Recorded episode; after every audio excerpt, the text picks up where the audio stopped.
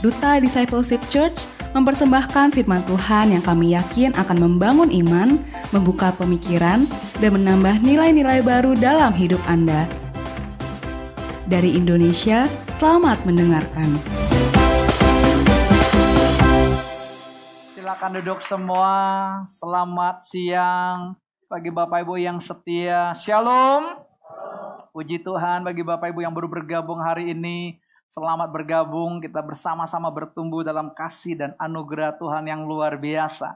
Di bulan Januari yang lalu kita sudah belajar tentang visi misi dari DDC. DDC adalah gereja Tuhan di tempat ini, Duta Discipleship Church, gereja pemuridan duta. Bagaimana kita fokusnya kepada discipleship yaitu pemuridan. Ya, Bapak Ibu ingat visi gereja Tuhan? Sama-sama yuk sebut dua tiga. Menjadi gereja pemuritan yang sehat dan berdampak bagi dunia. Yang keras sama-sama menjadi gereja pemuridan yang sehat dan berdampak bagi dunia. Ya, saya lihat ada yang ya, pokoknya mangap dulu ya, hafal belum hafal. Jadi saya harus tes Bapak Ibu ya.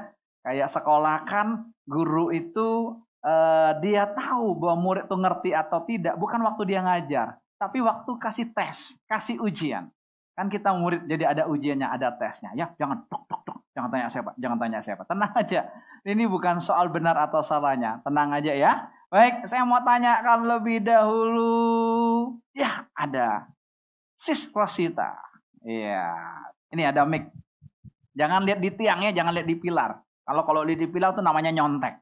Ya, kalau nyontek itu nanti uh, akan ulang ujiannya, nggak boleh ya. Apa visi dari DDC yang keras? Visi DDC gereja pemuritan yang sehat dan berdampak bagi dunia. Lebih lengkap lagi, yang keras. Jangan lihat pilar. Visi DDC ya. adalah gereja pemuritan yang sehat dan berdampak bagi dunia. Wah, apa yang kurangnya? Menjadinya kurang ya. Menjadinya kurang karena sudah dedekan habis Pak Andes nggak kasih tahu seminggu kemarin. Kalau kasih tahu saya hafalin gitu ya. Kalau anak udah tahu besok ujian kan malam ini dia belajar. Tiba-tiba gurunya kasih mendadak bu bu bu belum belajar. Nggak bisa ya. Namanya ujian itu bisa mendadak Bapak Ibu ya. Ini dari perempuan yang laki-laki dulu. Siapa ini? Erik Erik. Ya silakan Yudi kasih kita kasih anak muda. Hafal nggak nih Oh makin jauh kan tiangnya makin jauh nih. Gak kelihatan pilarnya. Silakan Erik. Apa visi DDC? DDC adalah menjadi gereja pemuridan yang sehat dan berdampak bagi dunia. Wow, yang mantep. Menjadi gereja pemurid sehat, dampak bagi dunia. Wah, kasih tepuk tangan Bapak Ibu. Ya, katakan sama-sama lagi. Dua, tiga. Menjadi gereja pemuridan yang sehat dan berdampak bagi dunia. Mengapa kita harus hafal? Kalau Bapak Ibu nggak hafal sesuatu, percayalah engkau tidak akan pernah lakukan sesuatu itu dalam hidupmu. Karena nggak hafal. Ya, Tapi kalau kita hafal, kita mudah untuk melakukannya. Karena kita hafal. Kita hidupi dalam kehidupan kita. Itu adalah visi dari DDC. Masuk sekarang misi dari DDC ya. Visi itu adalah arah tujuan yang kita mau capai, gereja Tuhan yang mau capai bagi setiap kita yang ada di dalamnya. Misi, misi itu adalah langkah-langkahnya. Ya depan lagi ada Bro Bambang di sini. Ya, silakan. Nih, ada mic. Ya, jangan kasih jangan tanya istri, jangan tanya istri. Ya. Silakan. Misinya apa? Misi gereja DDC adalah uh, memuridkan menjadi gereja pemuritan. Bukan. Betul betul memuridkan Memur, memuridkan orang-orang percaya. Orang percaya dan dan siapa yang hafal? Siapa yang hafal? Ayo, siapa yang hafal dulu? Gak apa-apa, gak apa-apa, gak, gak ada salah, gak ada benar jadi ya. Siapa yang hafal? Yo, ya, Nani, Nani, Nani, ya, Nani. Kata ini, ini, ini, Nani, ya. Silakan. Yang baru datang percayalah nggak ditanya. Wah, saya ditanya langsung keluar saya. Percayalah, nggak, nggak, nggak ditanya ya. Ya.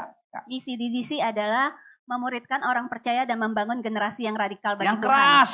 Memba memuridkan orang percaya dan membangun generasi yang radikal bagi Tuhan. Wah, kasih tepuk tangan Bapak Ibu. Ya, memuridkan orang percaya. Kenapa memuridkan? Karena Yesus Kristus itu dia memuridkan. Dia nggak sibuk dengan orang banyak, tapi dia fokus 12 orang ini. 12 orang ketika dia Yesus terangkat ke surga, 12 orang Yudas diganti dengan Matias, 12 orang menggoncangkan dunia karena mereka orang-orang yang radikal, ya. Baik, itu adalah visi dan misi daripada gereja Tuhan di tempat ini. Hari ini saya mulai membahas value-nya. Nilai dari DDC. Apa nilai kita akronimnya? Fire. Ya, kita sudah punya nilai selama ini, tapi banyak sekali nilainya. Sehingga waktu Bapak Ibu ditanya, apa ya nilai di Indonesia bingung ya. Akhirnya kami menyempurnakan nilai ini dengan sebuah akronim supaya mudah kita ingat yaitu fire. Sama-sama katakan fire. Ya, jadi ingat nilai, ingat fire, ingat fire, ingat api. Jangan langsung, waduh kompor tadi udah mati belum ya? Jangan. Gak usah begitu ya. Jangan takut ya. Percayalah sudah mati gitu ya. Ya, fire. F-nya apa? Faith, terus integrity, terus relationship, terus excellent. Doakan kami, terima kasih buat doa-doa Bapak Ibu, sehingga kami para hamba-hamba Tuhan, para pemimpin-pemimpin di tempat ini, mempersiapkan setiap khotbah, setiap kebenaran yang terbaik buat, Bapak Ibu yang fresh, sekalipun tidak mudah. Dan doakan kami terus. Seperti saya siapkan khotbah hari ini tidak mudah Bapak Ibu. Tidak seperti Bapak Ibu uh, pergi ke pasar beli sayur mau masak apa ya? Sayur asem gampang. Gak usah terlalu banyak mikir. Tapi siapin khotbah begini enggak. Saya biasakan sebulan dua kali atau tiga kali selesai khotbah seperti ini biasanya besoknya saya mulai mempersiapkan lagi khotbah untuk dua minggu ke depannya tapi khotbah untuk minggu depan saya sudah siapkan tinggal dimatengin lagi. Ya Bapak Ibu. Bisa biasanya seperti itu, tapi kadang kala sampai detik-detik terakhir belum klik gitu ya. Ya, tahu ya kalau belum klik ya. Belum klik tuh maksudnya gini. Saya sendiri yang mau menyampaikannya kayaknya belum menguasai. Apa sih ngerti ya? Kalau saya nggak menguasai, saya aja nggak ngerti gimana yang denger. Pasti Bapak Ibu tambah nggak ngerti ya. Ya, saya duduk lagi di kaki Tuhan, saya berlutut lagi, tanya Tuhan, Tuhan ini apa maksudnya? Ya nggak ketemu lagi tanya Tuhan lagi baca lagi Alkitab baca perikop sebelumnya baca perikop sesudahnya. Bahkan saya dengar khotbah-khotbah yang saya belajar dari hamba-hamba Tuhan yang lain juga. Kenapa? Kita harus belajar terus. Amin. Ada satu murid uh, ketika saya percayakan dia untuk menyampaikan satu renungan dia bilang gini takut pak Kenapa takut? Dia bilang, nggak tahu. Sudah duk duk duk duk duk pak. Pada bapak kasihnya udah satu bulan yang lalu loh. Satu bulan yang lalu. Duk, duk, duk, duk, duk. Gimana kalau kalau khotbah sebulan dua tiga kali? Copot pak jantung pak. Lalu saya bilang, kamu maju. Percayalah, kamu bisa. Ketemu saya lagi, terus kemarin ketemu lagi malam. Pak, takut pak, tenang aja kamu maju. Nanti kamu dengar kok hari ini kamu tidak akan pernah takut lagi. Karena kita nggak ngerti siapa orang, siapa di dalam diri kita membuat kita takut. Ya, jadi ini adalah value doakan mulai dari Februari ini sampai Desember akhir tahun. Empat value ini akan kami khotbahkan, akan diaplikasikan dalam kehidupan kita masing-masing. Ya, apa yang pertama? Yaitu tentang faith. Ada pertanyaan lagi. Wah, banyak pertanyaan ya. Coba Bapak Ibu memikirkan. Kalau Bapak Ibu ditanya, apa sih menurut kamu arti dari sebuah iman? Oke, coba mulai renungkan. Pakai bahasamu sendiri, pakai pengertianmu sendiri, jangan teori. Apa yang kamu hadapi, apa yang kamu hidupi dalam kehidupan kamu. Ya, saya kasih PR dulu 1-2 menit untuk Bapak Ibu memikirkannya. Sebelumnya dari foto ini Bapak Ibu, saya mau menjelaskan sedikit ya. Foto ini seseorang mengilustrasikan seseorang yang bernama Charles Blodin tahun 1890. Dia adalah orang yang menyeberang uh, air terjun Niagara Bapak Ibu dengan seutas tali ini. Wah, begitu banyak penonton yang ada di bawah bertepuk tangan. Oh, hebat Charles. Oh, kalian luar biasa. Akhirnya dia bisalah menyeberangi di ke seberang Bapak Ibu. Ketika dia sampai ke seberang, lalu dia bertanya kepada yang nonton yang begitu banyak, menurut kalian, menurut kalian saya bisa enggak nyebrang lagi balik ke sana? Mereka serempak bilang, bisa. Kamu bisa. Woi, eh? Kalian percaya saya enggak jatuh? Percaya. Banyak nggak orang Kristen begini? Percaya. Oke, lalu Charles Broden berkata begini, oke kalau kalian percaya silahkan salah satu yang percaya boleh naik di atas punggung saya. Saya akan ajak nyebrang. Wah mulai keluar seribu satu alasan. Pak, pak, pak, enggak pak, saya belum kawin. Pak, pak, pak, saya baru ngontrak ruko pak, belum buka usaha pak, enggak jadi pak. Pak, pak, pak, pak, saya mau janji teman saya pak. Pak anak saya masih kecil pak, seribu satu alasan. Mereka yang tadinya berkata percaya, yang tadinya berkata bisa, mulai mundur satu persatu Bapak Ibu. Tapi tiba-tiba ada seorang anak kecil, dia berkata, saya mau pak. Wah, jadi anak kecil ini naiklah di punggung Charles ini Bapak Ibu. Dan semua penonton yang tadinya bilang percaya, yang udah mau pulang, nggak jadi pulang. Kenapa? Karena ada anak kecil. Ini anak kecil nekat. Kayaknya ini anak kecil, ini anak yatim piatu pasti ini. Dia mau mati konyol kan? Nggak ada orang tuanya pas. Wow, semua mereka bertepuk tangan, Charles mulai terus pelan-pelan. Ada anak kecilnya di, di punggungnya. Terus mengimbangi. Akhirnya tibalah di tempat seberang. Keseberang Bapak Ibu. Lalu semua penonton bukan bertepuk tangan untuk Charles Bapak Ibu. Bukan. Tapi semua penonton kasih tepuk tangan buat anak ini. Tapi mereka juga mendekati anak ini. Bagi anak ini jadi viral. Nah, kalau berita-berita langsung viral kan. Anak ini jadi viral Bapak Ibu. Jadi orang tanya dia, enak, kamu kok berani naik di atas punggung Bapak itu? Mati konyol tahu. Hah? Di bawahnya kan nggak ada jala. Kalau ada pegangan, ada jala ya nggak apa-apa. Kayak film-film itu kan ada jalanya di bawahnya, cuma nggak kelihatan. Nggak tershoot kan. Lalu anak ini jawab dengan mantap. Kenapa saya berani? Kenapa saya percaya sama Bapak itu? Karena Bapak itu adalah Papa saya. Saudara ngerti maksudnya? Ilustrasi ini. Seringkali kita berkata, saya percaya kepadamu Tuhan. Yes, amin tiga kali. Kita dua belas kali. Kita nggak mau kalah. Tapi waktu ujian mulai datang, waktu badai mulai datang, kita mulai goyah, kita mulai tanya, Tuhan ada nggak sih? Kok masalah saya nggak selesai-selesai sih? Kata Pak Pendeta Tuhan itu hebat. Segala perkara dapat kutanggung di dalam dia. Tapi buktinya, saudara dengar.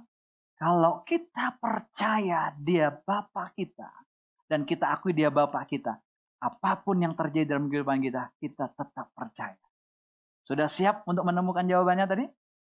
Ya, Pak Zakaria sudah siap. Silakan kasih mic Pak Zakaria. Ya, karena dia udah anggung-anggung.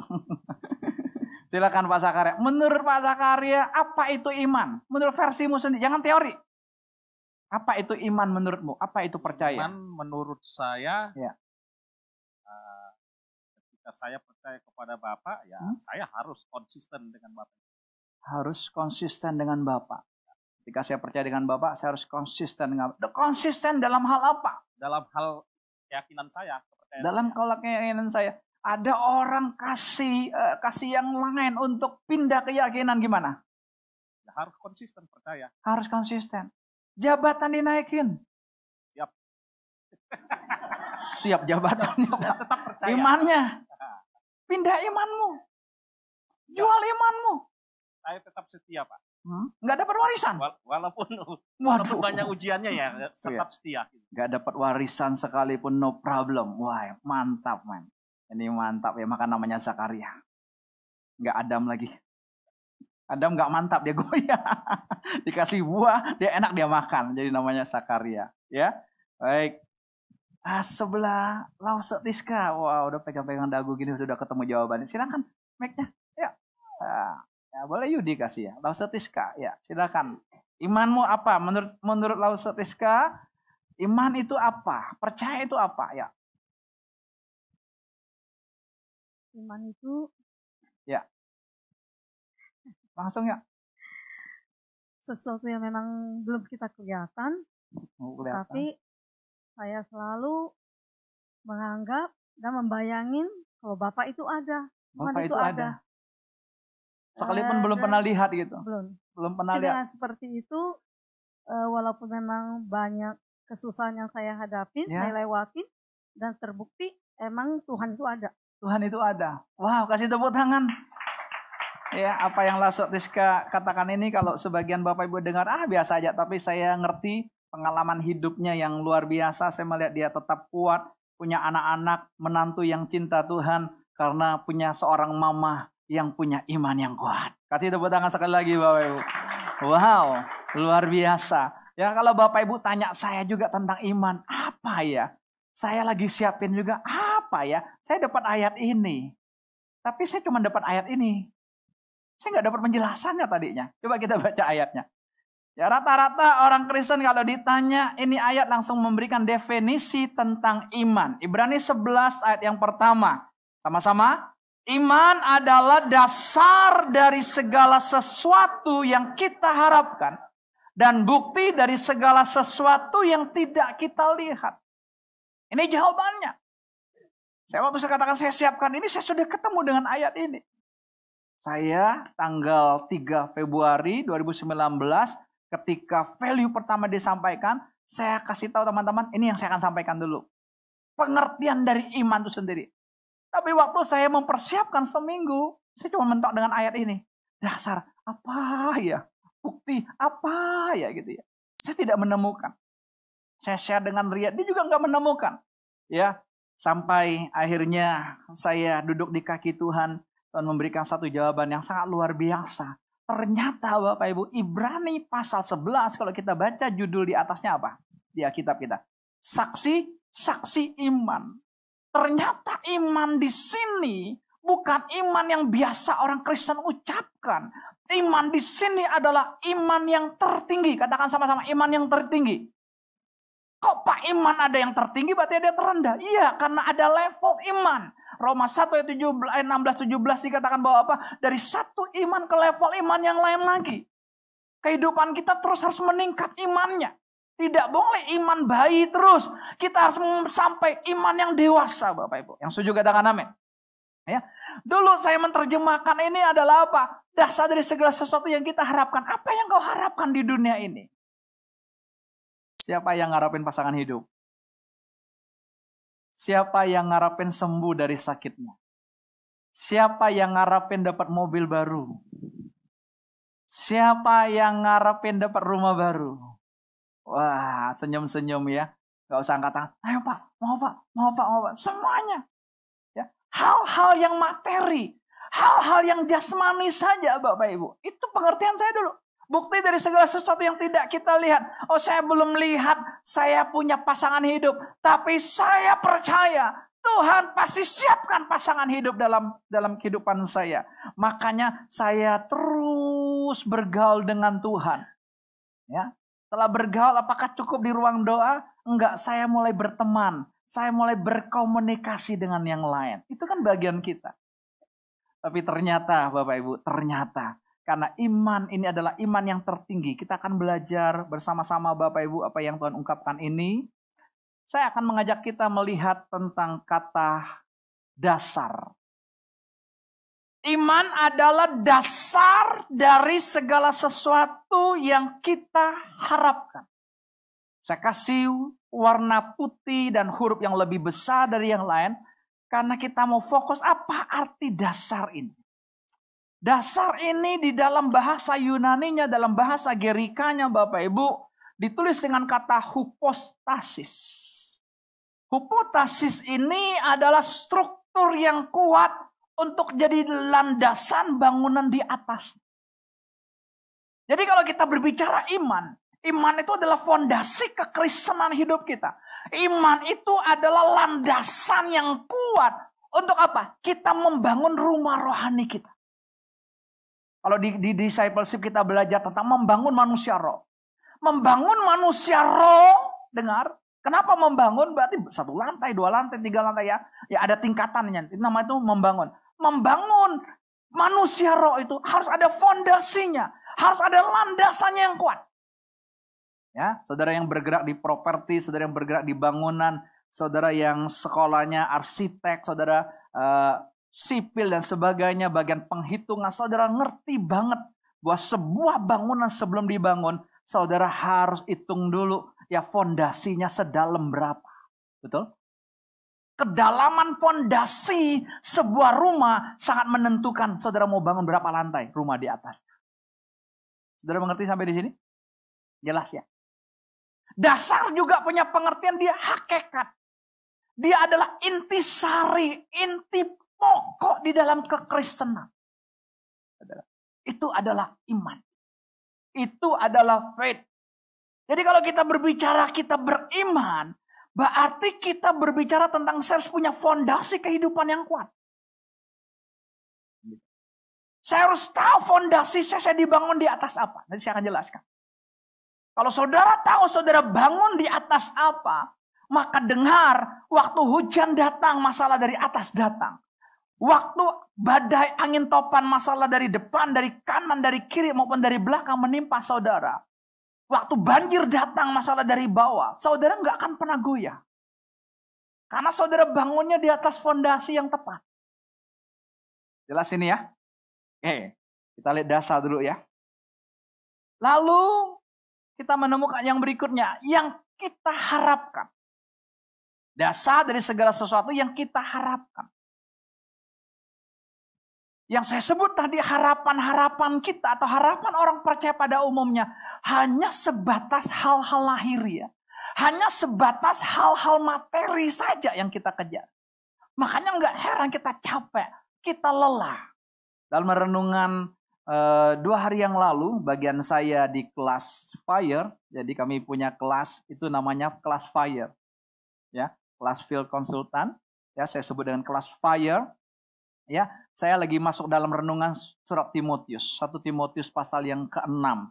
Ayat 9 dan 10 dikatakan, akar dari segala kejahatan adalah cinta uang, bukan uang. Tapi cinta akan uang. Dengan cinta uang orang dikatakan akan jatuh ke berbagai-bagai penderitaan. Berbagai-bagai. Jadi bukan hanya satu, berbagai-bagai. Dan menyiksa dirinya dan akan menyangkal iman. Hati-hati. Hati-hati. Dan itu adalah strategi iblis yang banyak menghancurkan hidup anak Tuhan, hidup kekristenan. Karena kita salah fokus. Tapi saya berdoa lewat kebenaran hari ini, engkau pahami, maka engkau tidak fokus lagi dengan hal-hal materi. Mengapa kita tidak perlu fokus dengan hal-hal materi? Karena Tuhan bilang dalam Matius 6 ayat 33, carilah dahulu kerajaan Allah dan kebenarannya. Itu yang perlu kita cari. Itu prioritas hidup kita. Maka semuanya akan ditambahkan kepadamu. Itu konteksnya hal kekhawatiran. Apa yang saudara khawatirkan di dunia ini, sandang, pangan, papan, itu akan Tuhan siapkan kalau kita cari dahulu kerajaan Allah dan kebenaran. Kata harapkan di sini Bapak Ibu, dalam bahasa Yunaninya ditulis kata elpiso. Menanti keselamatan tapi dengan sukacita dan percaya penuh. Jadi bukan barang-barang duniawi, barang-barang yang semu, materi, uang, harta, bukan itu. Harapkan di sini adalah apa? Harap keselamatan. Dengan apa kita mengharapkan ini? Dengan sukacita kita menantinya. Dengan penuh keyakinan bahwa ketika saya mengaku dengan mulut dan percaya dalam hati saya dan saya mengerjakan keselamatan itu dengan takut dan gentar setiap hari, maka saya percaya waktu Tuhan panggil saya, saya ada di surga. Saudara yakin itu? Saya harap saudara yakin kalau orang tanya kamu mati ke mana, saudara bilang pasti di surga. Pasti. Jangan, kamu nanti mati ke mana? Kurang tahu juga loh. Ya kira-kira kalau malaikat bermurah hati, saya ditendang ke surga kira-kira. Kalau dia sebel sama saya, saya ditendang ke neraka. Enggak, enggak begitu. Ya insya Allah, insya Allah, moga-moga. Enggak. Keselamatan tuh pasti, bilang sama-sama pasti. Karena pemiliknya surga itu Bapak di Bapak kita. Jadi pasti kan. Jadi bukan angan-angan, bukan bayangan, dia pasti. Tapi berapa banyak orang Kristen yang takut mati? Saudara nggak usah takut mati. Kalau memang rumah kita di surga sudah selesai, Injil Yohanes pasal yang ke-14, pasti kita dipanggil pulang. Bukan soal usia. Bukan soal usia. Tetapi bagaimana kita sudah maksimalkan hidup kita di hadapan Tuhan. Jadi harap di sini bukan harap hal-hal materi, bukan harap hal-hal yang jasmani, bukan harap hal-hal yang ada di dunia ini, tapi harap di sini menanti keselamatan dengan penuh sukacita dan percaya penuh. Lalu kita menemukan kata bukti dari segala sesuatu yang tidak kita lihat. Apa buktinya? Bukti, kata bukti ditulis juga dalam bahasa Yunaninya, elegatos. Hal yang sudah terbukti dengan keyakinan yang kuat. Sudah ada buktinya dengan keyakinan yang kuat. On hand. Artinya apa? Sudah kita pegang di tangan kita, sudah terpegang. Tapi hati-hati. Bisa terlepas gak? Bisa. Hati-hati saudara. Saudara pegang erat-erat keselamatan yang Tuhan sudah berikan kepada kita. Saudara pegang erat-erat. Saudara jangan lepaskan. Dengan apa pun dunia mau minta gantinya. Dengan apa pun iblis mau minta kita tukernya. Saudara berkata no. Harta warisan no. Jabatan no. Pasangan hidup no. Ya, lebih baik saya sendiri. Bukan sendiri lagi tapi sendiri di dalam Tuhan daripada saya harus menikah. Yang menikah menjualkan Yesus dalam hidup saya. Itu prinsip kehidupan. Itu nilai. Itu value yang kau bangun. Ingat, nilai? Nilai bukan apa yang saya bicarakan, tapi nilai apa yang saya yakini dalam hidup dan saya hidupi. Itu adalah nilai. Ada harga, ada barang. Harga yang mahal kau bayar, maka kau dapat juga barang yang berkualitas. Itu jangan nggak lupa. Nggak bisa saudara mau dapat barang berkualitas harga murah. Nggak bisa. Ya, barang-barang branded kalau lagi sale pun nggak murah. Nggak murah banget. Ya baju satu juta, ya saya belum pernah menemukan sale-nya 50 ribu. Ada? Kecuali yang bekas pakai second. Bisa ya, 50 ribu karena second. Tapi enggak. Paling-paling 50 persen, 1 juta 500 ribu. Masih mahal, masih mahal. Tapi dia berkualitas. Ya, jadi saudara bukti di sini bukan bukti. Oh, saya belum dapat jodoh, tapi saya punya bukti. Saya punya jaminan saya pasti dapat jodoh. Bukan itu. Percayalah, yang hal-hal jasmani Bapak pasti siapkan kok buat kita. Itu enggak? Anak saudara pernah nggak tanya, Pak, Papa besok bulan depan masih bisa bayar uang sekolah saya nggak? Ya, Pak Bambang ditanya nggak? Hah? Nggak ditanya ya? Betul nggak ditanya? Mamanya ditanya nggak? Ma, besok Darren makan apa? Pernah tanya? Anak itu yakin pasti besok dia makan. Dia yakin. Makanya Alkitab berkata, jadilah seperti anak kecil. Sama Tuhan tuh jadi seperti anak kecil. Percaya aja. Pokoknya dia tahu sekolah aja. Ya, orang tuanya yang bingung. Gak bingung sih, karena kita yakin Tuhan mempersiapkan. Ya, Jelas ini? Ya. Saya waktu persiapan ini saya kan bilang, oh, saya nggak ketemu kliknya gini. Gimana ya saya kasih contoh sama jemaat, sama murid-murid, supaya kita klik. Eh, saya waktu dengar satu khotbah hamba Tuhan ini, kemungkinan, saya nggak tahu backgroundnya, kemungkinan dia arsitek. Kalau nggak saya tanya sama Bro Stephen, pasti dia ngerti. Karena dia suka bikin gambar-gambar begini. Dia paling jagonya gitu ya. Tadinya saya mau pesan dia, bro bikin nih bro, tolong sama saya bro. Ya kan jago gitu ya. Tapi ternyata istri saya juga bisa bikin. Nah, saya pelajari, nanti boleh difoto kalau udah selesai. Supaya nanti Bapak Ibu bisa juga menjelaskan kepada orang lain tentang iman. Saya waktu baca, oh iya ya, ngerti sekali. Siapa yang merindukan rumah tahun ini? Gak ada. Rumah baru. rumah baru maksudnya. Yang mau beli apartemen tahun ini? Loh, nggak ada. Jadi seperti imanmu. Pak banjir terus Pak mau pindah apa? Yang nggak banjir Pak, oke? Okay? Ya, ya, yang merindukan rumah Anda terberkatilah dengan gambar ini nanti. Yang nggak merindukan juga diberkati. Ya. Saudara saya akan kasih analoginya supaya kita prakteknya mudah. Ya ini ada bakal gedung, baik itu apartemen kah atau rumah baru yang kita rindukan yang dibangun oleh developer. Ini bawahnya fondasinya. Ya, fondasi dasar. Fondasi dasar itu dia tidak kelihatan. Saudara pernah lihat rumah, fondasinya kelihatan? Wah bisa dimarin bos. Betul nggak? Kelihatan aja, nggak kelihatan aja dimarahin, apa nggak lagi kelihatan? Hah, kamu bangun rumah berapa M? Pondasinya kelihatan. Wah, itu pemiliknya langsung bilang, kembalikan uang saya dan berikut bunga-bunganya. Ya, fondasi nggak kelihatan. Iman itu tidak kelihatan. Tapi nyata. Jelas ya, dia bukan abstrak, dia nyata sekali. Oke. Ini bakal gedungnya kalau saudara mau beli apartemen, ya, maka saudara akan melihat dulu marketnya di mana, oke, areanya di mana, lalu saudara akan lihat dulu surat izin bangunnya udah ada belum. Jadi saudara harus cerdik juga, jangan surat izin bangunannya belum ada, saudara udah kasih DP. Karena ada beberapa yang yang saya dengar, Pak sudah tiga tahun Pak belum bisa masuk apartemennya. Udah komplain sama kantor pemasarannya, kantor pemasaran silakan masuk, tapi liftnya belum ada. Ibu dapat di lantai berapa? 21. 21, liftnya belum ada. Waduh, itu kaki bisa naik, turun. Uh, sehat sih, sehat, sehat. Kalau nggak bawa barang, tapi kalau bawa barang, coba. Ya, karena apa? Karena gimana cara kamu beli awalnya? Ya itu tadi, ikut-ikutan orang lain. Jangan ya, kita semua harus pintar. Baik. Ini fondasinya.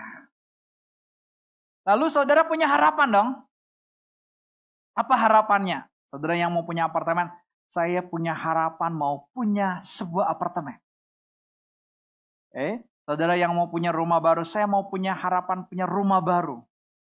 Ya, saya pergilah ke kantor pemasarannya, saya pesan rumahnya ini. Ya, eh. Setelah itu, buktinya mana? Buktinya apa? Buktinya adalah kita tanda tangan yang namanya surat perjanjian jual beli, SPJB. Oke, di atas meterai saudara tanda tangan. Betul? Iya. Itu buktinya. Pertanyaan saya, saudara sudah pegang belum apartemennya? Saudara sudah pegang belum rumahnya? Padahal pegangnya apartemen bisa dua tahun, bisa tiga tahun ke depan, betul ya? Tapi saudara dengan pegang surat perjanjian jual beli itu, saudara yakin nggak saudara pasti punya apartemen? Masih ragu? Enggak kan yakin kan? Karena tanda tangannya di atas materai lagi. Tuh, iya. Saya bawa ini saudara. Seperti Roh Kudus akan tolong kita. Kelihatan belum? Belum. Tapi sudah dipegang kan surat itu. Sambil kita nyicil. Loh, cash bertahap satu tahun, cash bertahap dua tahun, KPR 10 tahun, atau 10 ta apa 15 tahun, silakan. Sudah lakukan itu. Ya. Belum punya kan? Belum. Sampai terrealisasi gedungnya. Ya, kalau saudara KPR eh, yang 15 tahun ya gedungnya udah selesai, ya saudara bisa nempatin. Ya. Apartemennya sudah selesai tapi saudara KPR ya saudara tetap bisa nempatin. Betul ini jelas ini? Tangkap ini? Ini analoginya. Sekarang saya mau masuk aplikasi iman di dalam kehidupan kekristenan kita. Jadi nanti saya yakin dengan gambar ini Bapak Ibu semua yang hadir kalau ditanya kamu beriman kepada Yesus? Ya, kamu pernah lihat Yesus mati? Enggak pernah. Kok kamu percaya? Saya percaya. Kamu udah pernah ke Israel? Belum. Kamu ke Israel dulu, harus lihat. Eh, ke Israel pun ada dua, dua pengertian. Versi Kristen dan versi Katolik. Ya, saudara nanti diajaknya dua versi, saudara bingung kan? Gak usah bingung itu. Yesus berkata kepada Thomas apa? Berbahagialah orang yang tidak melihat tapi Percaya. Thomas yang melihat dulu. Faktanya dong, faktanya dong. Nah, Yesus bilang berbahagialah orang yang tidak melihat tapi percaya. Saya tidak melihat Yesus mati. Iya. Saya percaya Yesus mati buat saya. Saya nggak melihat Yesus kubur Yesus kosong. Sekalipun sudah pergi ada dua pernah dua kali pergi ke sana kuburnya kosong, iya. Tapi waktu itu saya nggak lihat, tapi saya percaya, saya percaya. Itulah namanya iman. Karena saya punya dasar, saya punya fondasi. Oke, aplikasinya apa?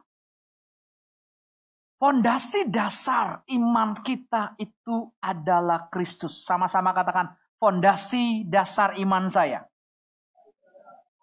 adalah Kristus. Ya, 1 Korintus pasal yang ketiga ayat yang ke-11. Demikianlah firman Tuhan. Karena tidak ada seorang pun yang dapat meletakkan dasar lain daripada dasar yang telah diletakkan yaitu Yesus Kristus. Perhatikan. Yesus Kristus itulah batu karang kita yang teguh. Jadi dia adalah fondasi kehidupan kita. Waktu kita percaya dalam hati dan mengaku dalam mulut. Dengan mulut kita. Roma 10 ayat 9 dan 10 katakan bahwa kamu dibenarkan, kamu diselamatkan. Jadi saudara sebimbing orang terima Tuhan Yesus dalam hidup dia. Sebelum saudara melakukan apa pun dulu. Orang harus percaya dalam hatinya Yesus Kristus satu-satunya Tuhan dan selamat pribadinya. Tapi dia juga harus mengaku dengan mulutnya. Dua hal ini harus terjadi klop. Sehingga apa? Saat itu juga fondasi kehidupannya itu ada di atas batu karang yang teguh lewat pengakuan. Saudara ingat ketika Petrus ditanya sama Tuhan Yesus, menurut kalian saya siapa? Ada yang bilang, kamu nabi, salah satu nabi. Ada yang bilang, Yeremia, ada yang bilang ini itu. Tapi Petrus angkat tangan. Menurut saya, Rabi, kamu adalah Mesias, anak Allah yang hidup. Lalu Yesus berkata, yes, dari pengakuanmu Petrus, aku bangun gerejaku. Tidak ada alamat yang bisa menguasainya. Gereja yang dibangun oleh Yesus, tidak ada alamat yang bisa menguasainya. Hidup kita kalau dibangun oleh dasarnya Yesus, tidak ada alamat yang bisa menguasainya. Kalau saudara bisa dikuasai alamat karena saudara buka pintu, buka celah. Bisa nangkap? Kita yang percaya kepada Yesus tidak bisa dikuasai oleh roh iblis. Tapi kalau kita bisa dikuasai karena saudara yang buka pintu. Saudara yang buka celahnya. Jangan buka tutup rapat-rapat saudara. Ada roh kudus yang tinggal dalam hidup kita. Jadi kalau kita fondasinya adalah Kristus, dengar. Saudara waktu datang badai kehidupanmu, saudara gak akan goyah. Kenapa? Fondasinya Kristus. Ya kan? Hal-hal lahir ya dalam kehidupan kita ini, kita gak akan goyah. Suami kita belum berubah, suami kita belum bertobat. Kita doakan dia makin galak hari-hari ini. Saudara gak akan goyah. Karena saudara tahu fondasinya. Jelas? Saudara belum dapat pasangan hidup. Saudara gak khawatir. Gak khawatir ya nggak ditempel sale enggak Oke. Sale juga masih belum laku, tulis lagi cuci gudang, enggak juga. Anak Tuhan mahal harganya kok. Jelas. Nilai hidup kita mahal seharga Yesus. Yesus tebus kita kan. Saudara belum dapat pekerjaan, saudara nggak kecewa sama Tuhan. Jadi hal-hal dunia ini badai sekencang apa pun. Kalau saudara berdirinya di atas batu karang yang teguh, saudara nggak akan goyah. Saudara akan yakin. Jelas? Pengharapannya apa? Hidup yang kekal. Inilah pengharapan orang percaya. Jadi pengharapan kita bukan hal-hal dunia ini. Rumah boleh, mobil boleh. Itu Tuhan akan siapkan buat kita untuk apa? Kita menggenapi amanat agungnya.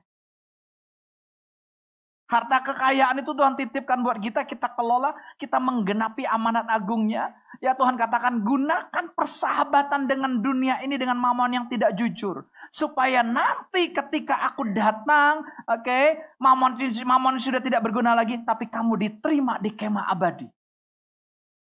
Jadi jangan lupa, bahwa orang kenal Tuhan. Lewat mamon yang tidak jujur boleh. Kita perkenalkan Kristus di dalam kehidupan mereka. Jelas itu pengharapan kita. Buktinya sekarang. Bukti kita, jaminan keselamatan kita tuh siapa? Jaminan keselamatan kita tuh Roh Kudus. Roh Allah. Dia adalah jaminan keselamatan kita. Efesus 1 ayat 14. Demikianlah firman Tuhan. Dan Roh Kudus itu adalah jaminan bagi kita sampai kita memperoleh seluruhnya, yaitu penebusan yang menjadikan kita milik Allah untuk memuji kemuliaannya. Jelas Bapak Ibu? Gedungnya apa? Surga yang kekal. Katakan sama-sama, surga yang kekal. Inilah fokus kehidupan kita. Surga yang kekal itu. Tapi pertanyaan saya, gedung apartemen Di mana kita sudah punya surat perjanjian jual belinya. Kita sudah kasih DP-nya, kita sudah tanda tangan di atas meterai. Dengar. Kita harus bayar cicilan kan. Pertanyaan saya, bisa nggak apartemen ini kita tidak dapatkan? Bisa nggak? Bisa. Kalau saudara nggak bayar cicilan. Diambil lagi oleh developer. Betul? Disita lagi oleh bank. Bahkan DP yang saudara sudah berikan, cicilan pertama, kedua, ketiga saudara bisa hangus. Betul nggak? Bisa hangus.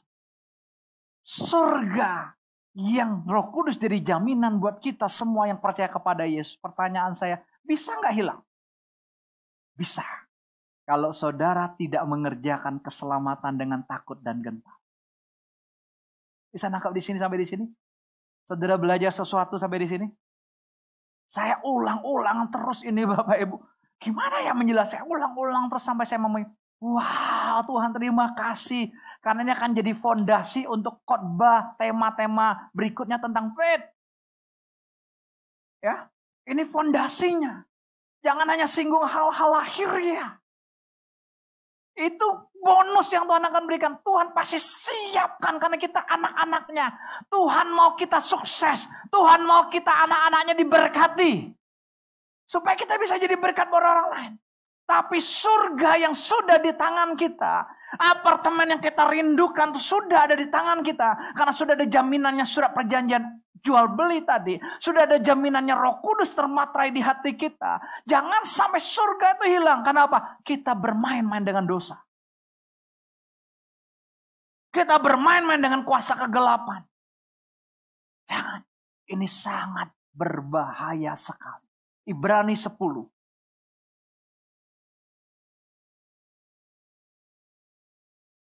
Ayat 35 sampai 39. Silakan.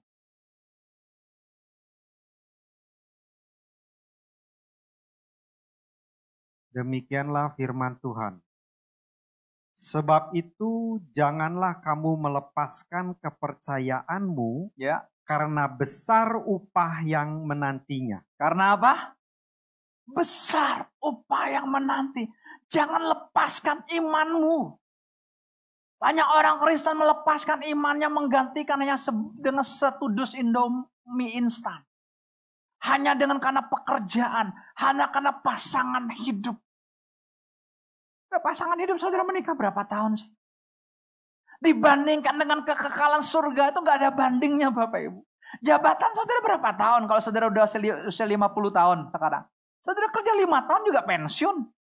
Betul? dibandingkan dengan kekekalan yang akan kita dapatkan itu dari kita jual Yesus nggak ada bandingnya mas mobil saudara mau berapa saudara punya 10 mobil saudara pakai juga satu saudara deret 10 yang sembilannya ditarik ingin menunjukkan saudara punya 10 mobil enggak toh betul nggak rumah saudara punya 10 saudara tinggal berapa satu semua kamar saudara tidurin juga cuma satu kamar Kok pelik apa pelik banget sih kehidupan kita? Itu kan? Saudara punya banyak uang sebanyak-banyaknya, saudara sehari makan berapa kali? Enam kali, keterlaluan. Gak kingdom banget itu. ya saya kalau nggak puasa juga dua kali cukup. Dan saya nggak suka nyemil juga. Udah makan udah. Pak saya makan sih jarang pak, ngemilnya pak. Bisa nangkapin ya? Jadi saudara akan pertahankan. Lanjut ayat 36. Tetapi orangku yang benar akan hidup oleh iman. Dan apabila ia mengundurkan diri, maka aku tidak berkenan kepadanya. Tetapi, ini ayat, ini ayat 38-nya ya. Orangku yang benar hidupnya oleh iman. Saudara tidak hidup dengan perasaan. Saya rasa nggak mungkin lah. Saya rasa nggak bisa. Itu perasaanmu. Jangan dengar perasaanmu. Dia suka membohongi engkau. Betul nggak? Makanya ada orang yang bad mood kan? Tahu bad mood? Saya lagi nggak mood nih. Waduh, repot kalau ketemu orang yang yang yang mainnya perasaan terus. Jangan, bahaya sekali. Perasaan kita bisa membohongi kita.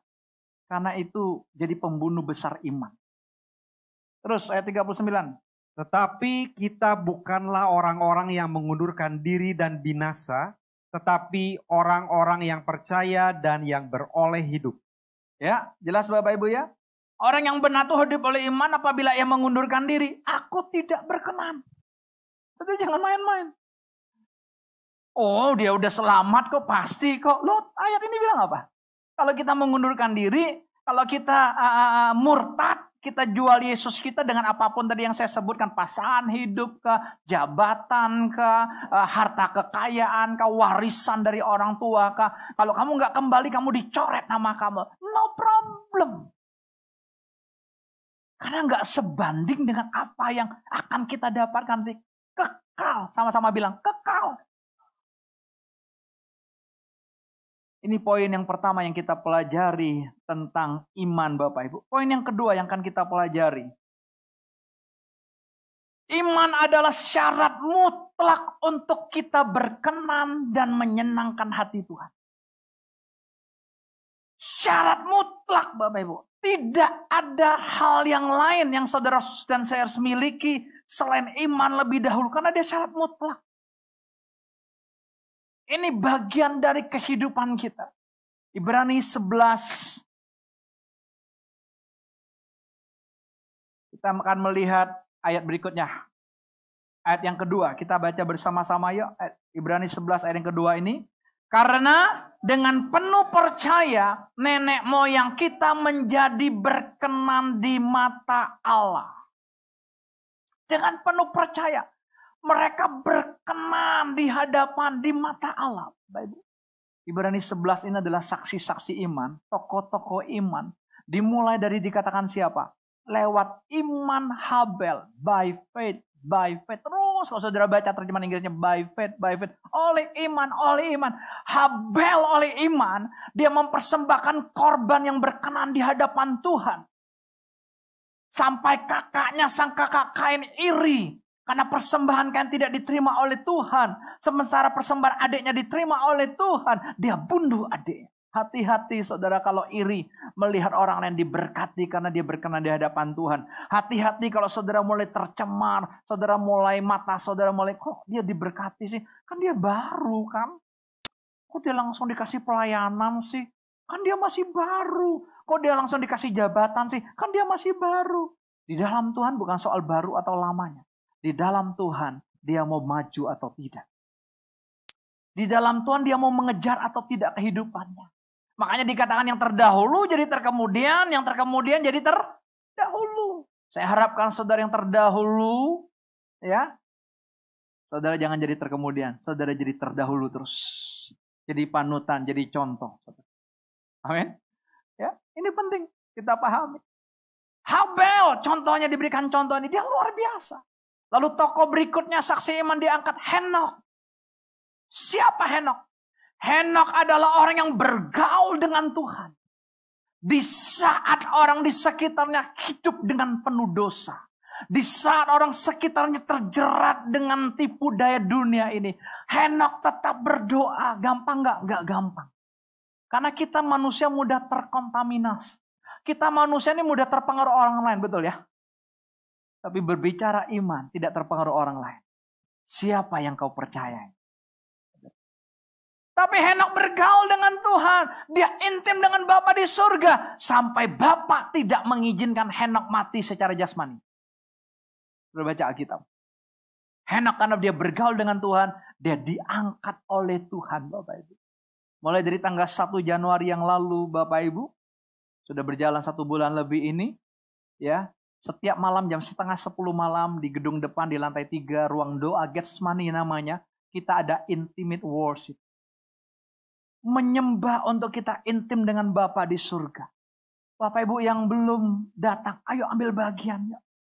Gak pusing dengan orang lain ngantuk. Gak pusing dengan orang lain yang hidup dengan dosa, perselingkuhan, perceraian, korupsi dan sebagainya di sekitar kita. Berita-berita yang begitu viralnya. Hal-hal yang menajiskan gitu Bapak Ibu. Karena gaya hidup mereka yang mewah. Gaya hidup mereka dunia ini. Sehingga mereka menjual diri mereka dengan tarif yang begitu tinggi. Saudara gak pusing dengan hal-hal itu.